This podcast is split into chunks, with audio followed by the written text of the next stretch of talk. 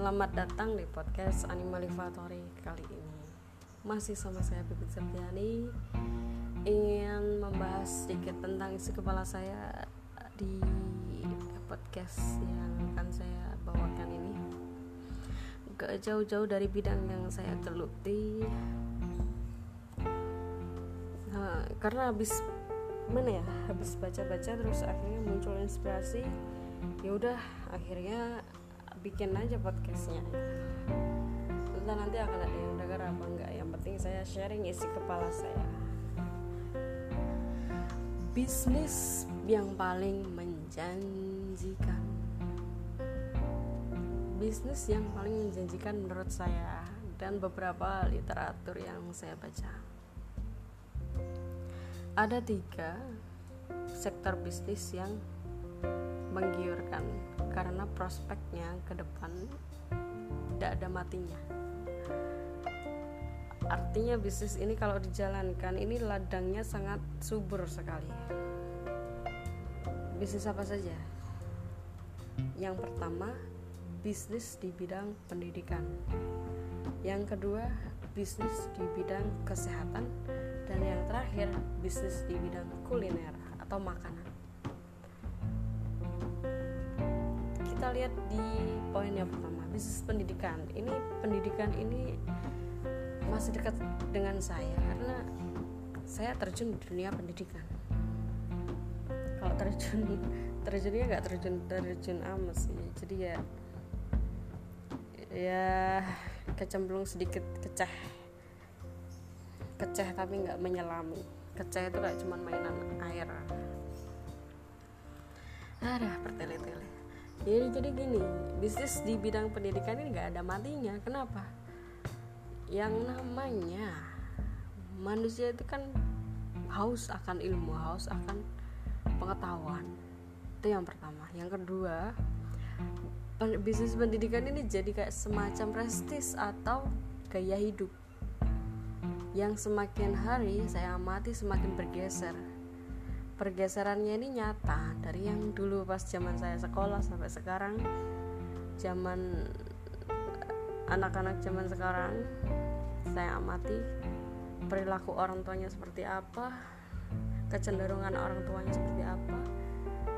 Akhirnya muncullah ide ini bisnis sekolah bisnis pendidikan.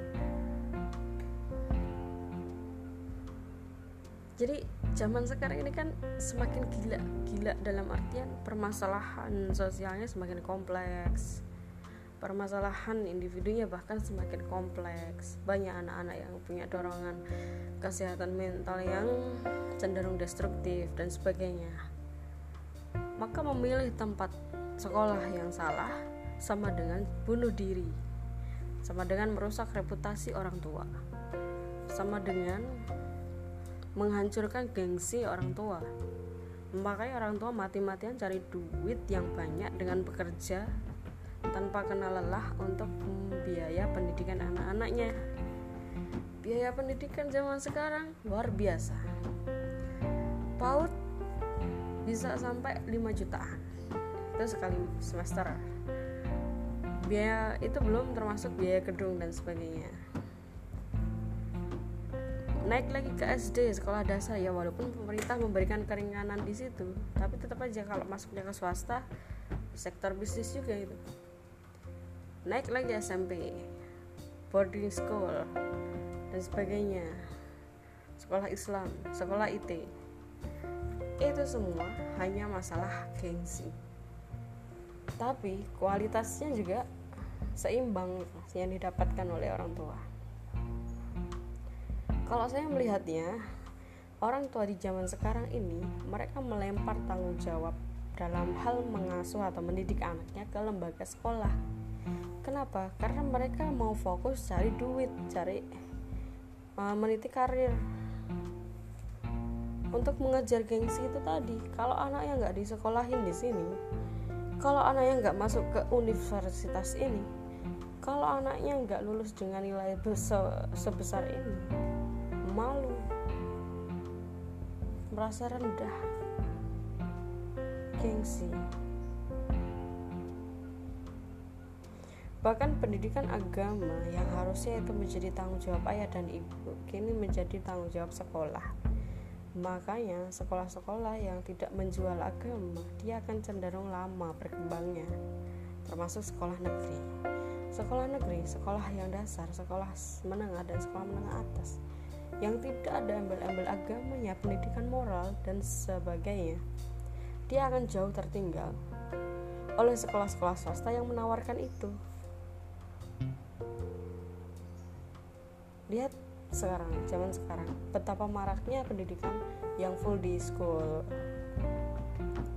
yang mengkarantina si anak ini dari pagi sampai sore sampai orang tuanya pulang kantor sengaja untuk apa melemparkan tanggung jawab ke sekolah itu tadi.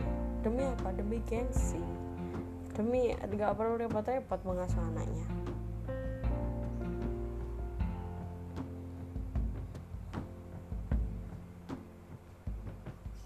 Maka karakter-karakter orang tua yang zaman sekarang kenyataannya seperti itu yang membuka peluang bisnis ini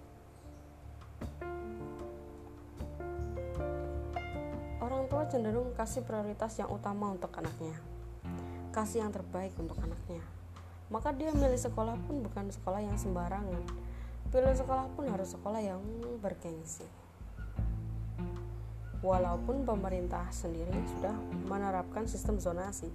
Artinya udah nggak ada lagi sekolah favorit sekolah orang pinter sekolah apa sekolah favorit. Eh udah disebut tadi intinya nggak ada lagi sekolah favorit berprestasi ya sama aja mereka sekolah tapi lihat apa yang terjadi embel-embel branding yang menempel di sekolah masing-masing itu tidak akan pernah ada matinya Sekali dia dikenal sebagai sekolah yang favorit, sekolah orang-orang pintar, selamanya dia akan dikenal seperti itu. Seberapa besarnya pemerintah mencoba untuk menyamaratakan itu? Kenapa? Karena brand itu sangat kuat. Brand itu dibentuk sejak lama dan mengakar. Tapi bukan berarti nggak bisa. Zaman dulu sekolah bisa jadi sekolah favorit itu karena siswanya siswanya berprestasi coba bayangkan um, coba bayangkan nih jadi lebih dulu ini nanti masalahnya jadi kayak lebih duluan telur apa ayam lebih duluan muncul sekolah favorit atau siswanya yang pintar gitu. Maksudnya gini semua sekolah sebenarnya berpeluang menjadi sekolah yang favorit. Tergantung bagaimana mereka membranding dan menumbuhkan itu dari sejak pembibitan. Artinya siswanya dididik seberapa seberapa kuat untuk menjadi siswa yang berprestasi. Tergantung usahanya usaha sekolah juga juga jadi pemerintah mau melepaskan label sekolah favorit ya lumayan susah. Apalagi gurunya akan cenderung frontal melawan. Karena mereka udah dari sejak lama membentuk brand image ini tapi kemudian pemerintah ya dengan gampangnya menerbitkan suatu kebijakan sekolah sama rata zonasi. Gitu. Baratnya kayak saya dagang ayam. Ayam saya ini udah saya brand ayam keprek paling enak sedunia gitu kan. Tiba-tiba pemerintah menerbitkan regulasi tidak ada ayam yang lebih paling enak sedunia. Semua ayam itu sama rata. Akhirnya brand yang saya bangun sejak lama tenggelam. Gak tahu cari apa. Tapi di satu sisi kompetisi di dunia pendidikan ini juga sangat ketat sangat besar. Apalagi kalau udah menyangkut negeri dan swasta atau swasta dengan swasta. Yang paling kerasa kompetisinya itu swasta dengan swasta. Karena swasta itu yang ditawarkan apa? Selain dia menjual, menjual akhlak pendidikan akhlak pendidikan karakter apa yang dia jual? Fasilitas. Begitulah ladang bisnis di dunia pendidikan ini?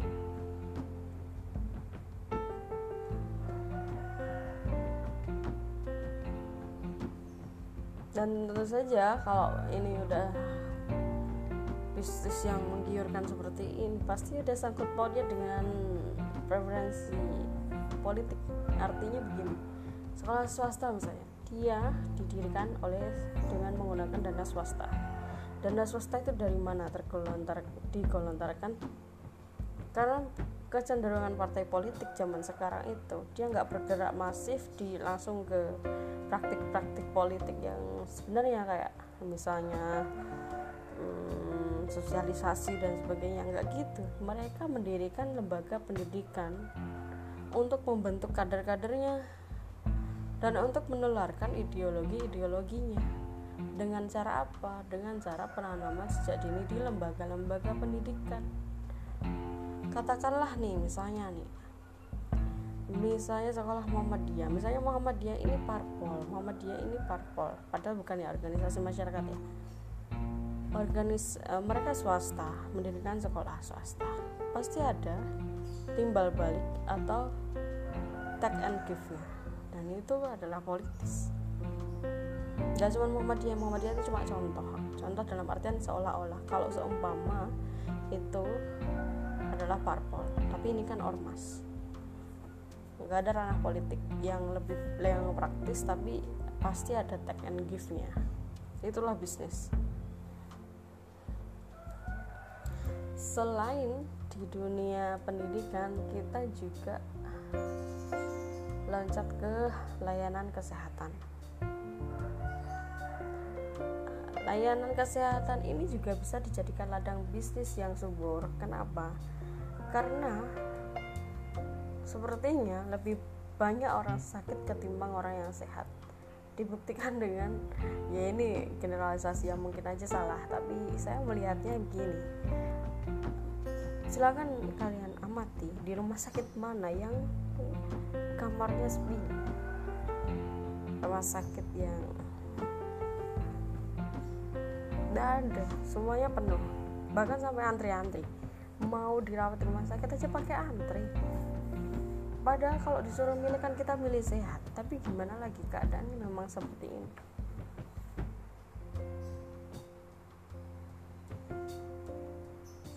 Dan bisnis rumah sakit ini bisnis yang paling resisten terhadap krisis.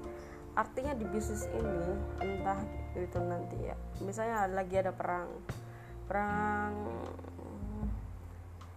perang yang menjatuhkan banyak korban. Itu kan krisis berdampak ke krisis ekonomi krisis dan sebagainya itu kan. Tapi di bidang layanan kesehatan mental itu justru menjadi ladang yang sangat-sangat sangat subur sekali.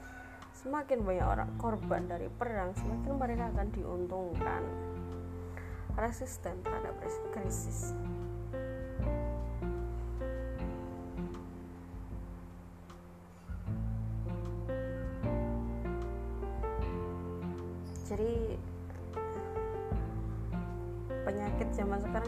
aneh-aneh penyakit zaman sekarang ini seolah-olah penyakit yang diciptakan oleh manusia untuk mencari untuk me, apa, meraih keuntungan dari yang diciptakan itu.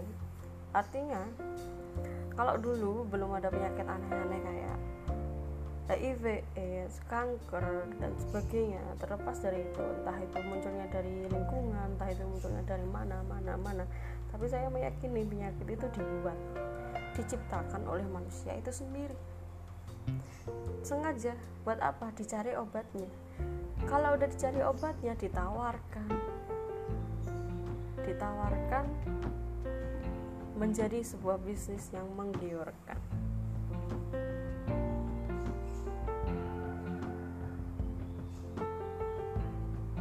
Tapi kalau bisnis rumah sakit ini sebenarnya bisa didisrupsi pakai bisnis pengobatan alternatif. Nah ini kalau di Klaten jangan di saat ini itu sedang gencar-gencarnya pengobatan akhir zaman atau PAZ pengobatan akhir zaman ini adalah program pengobatan alternatif yang digawangi oleh teman-teman Indonesian Islamic Business Forum IIBF di Klaten untuk men, apa ya untuk melakukan layanan kesehatan berdasarkan terjemahan dari isi Al-Quran. Gimana itu? Nah, pakarnya sering diundang di Kelatan mengajarkan ke banyak orang. Misalnya pengobatan stroke pengobatan saraf terjepit dan sebagainya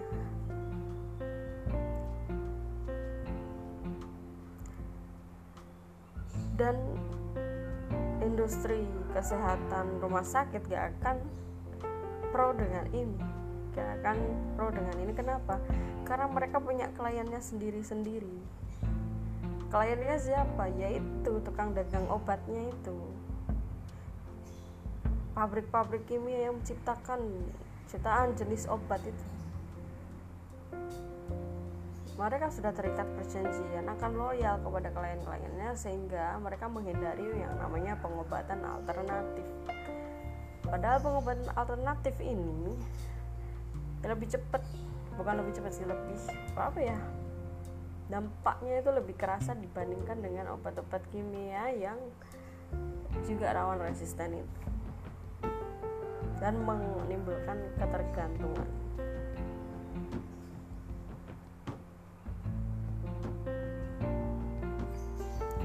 bisnis apa yang bisa dilakukan di bidang kesehatan? Bisnis yang bisa dilakukan di bidang kesehatan itu ya selain rumah sakit bisa kayak buka toko obat herbal apotek herbal atau apotek kimia penyembuhan alternatif pijit jasa pijit dan sebagainya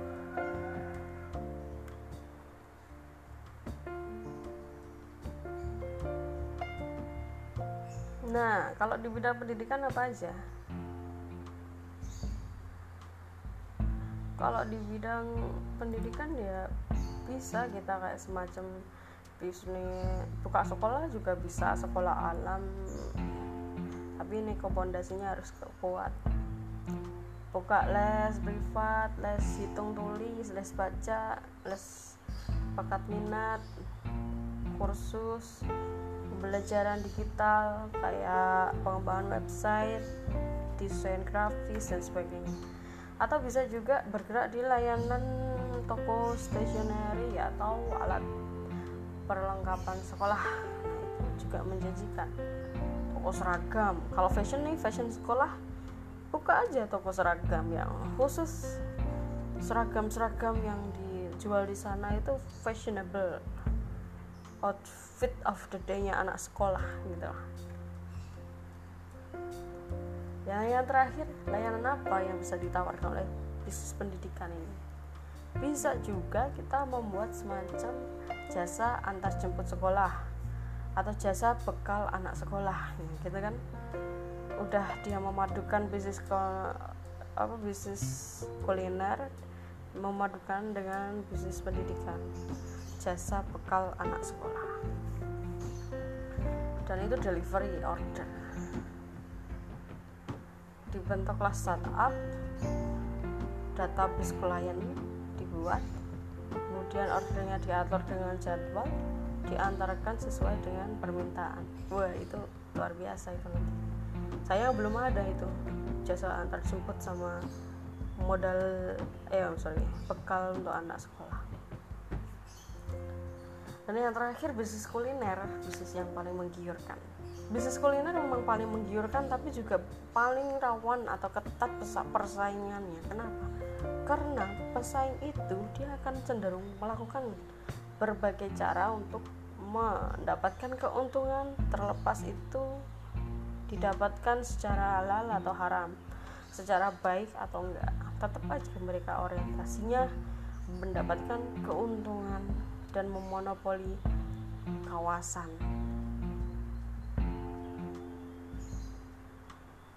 Begitu. Jadi kalau bisnis kuliner itu memang harus kita pintar-pintar cari celah. Pintar-pintar mengantisipasi hal-hal yang tidak bisa kita logiskan, nggak bisa diterima kita secara logis. Gitu aja sih.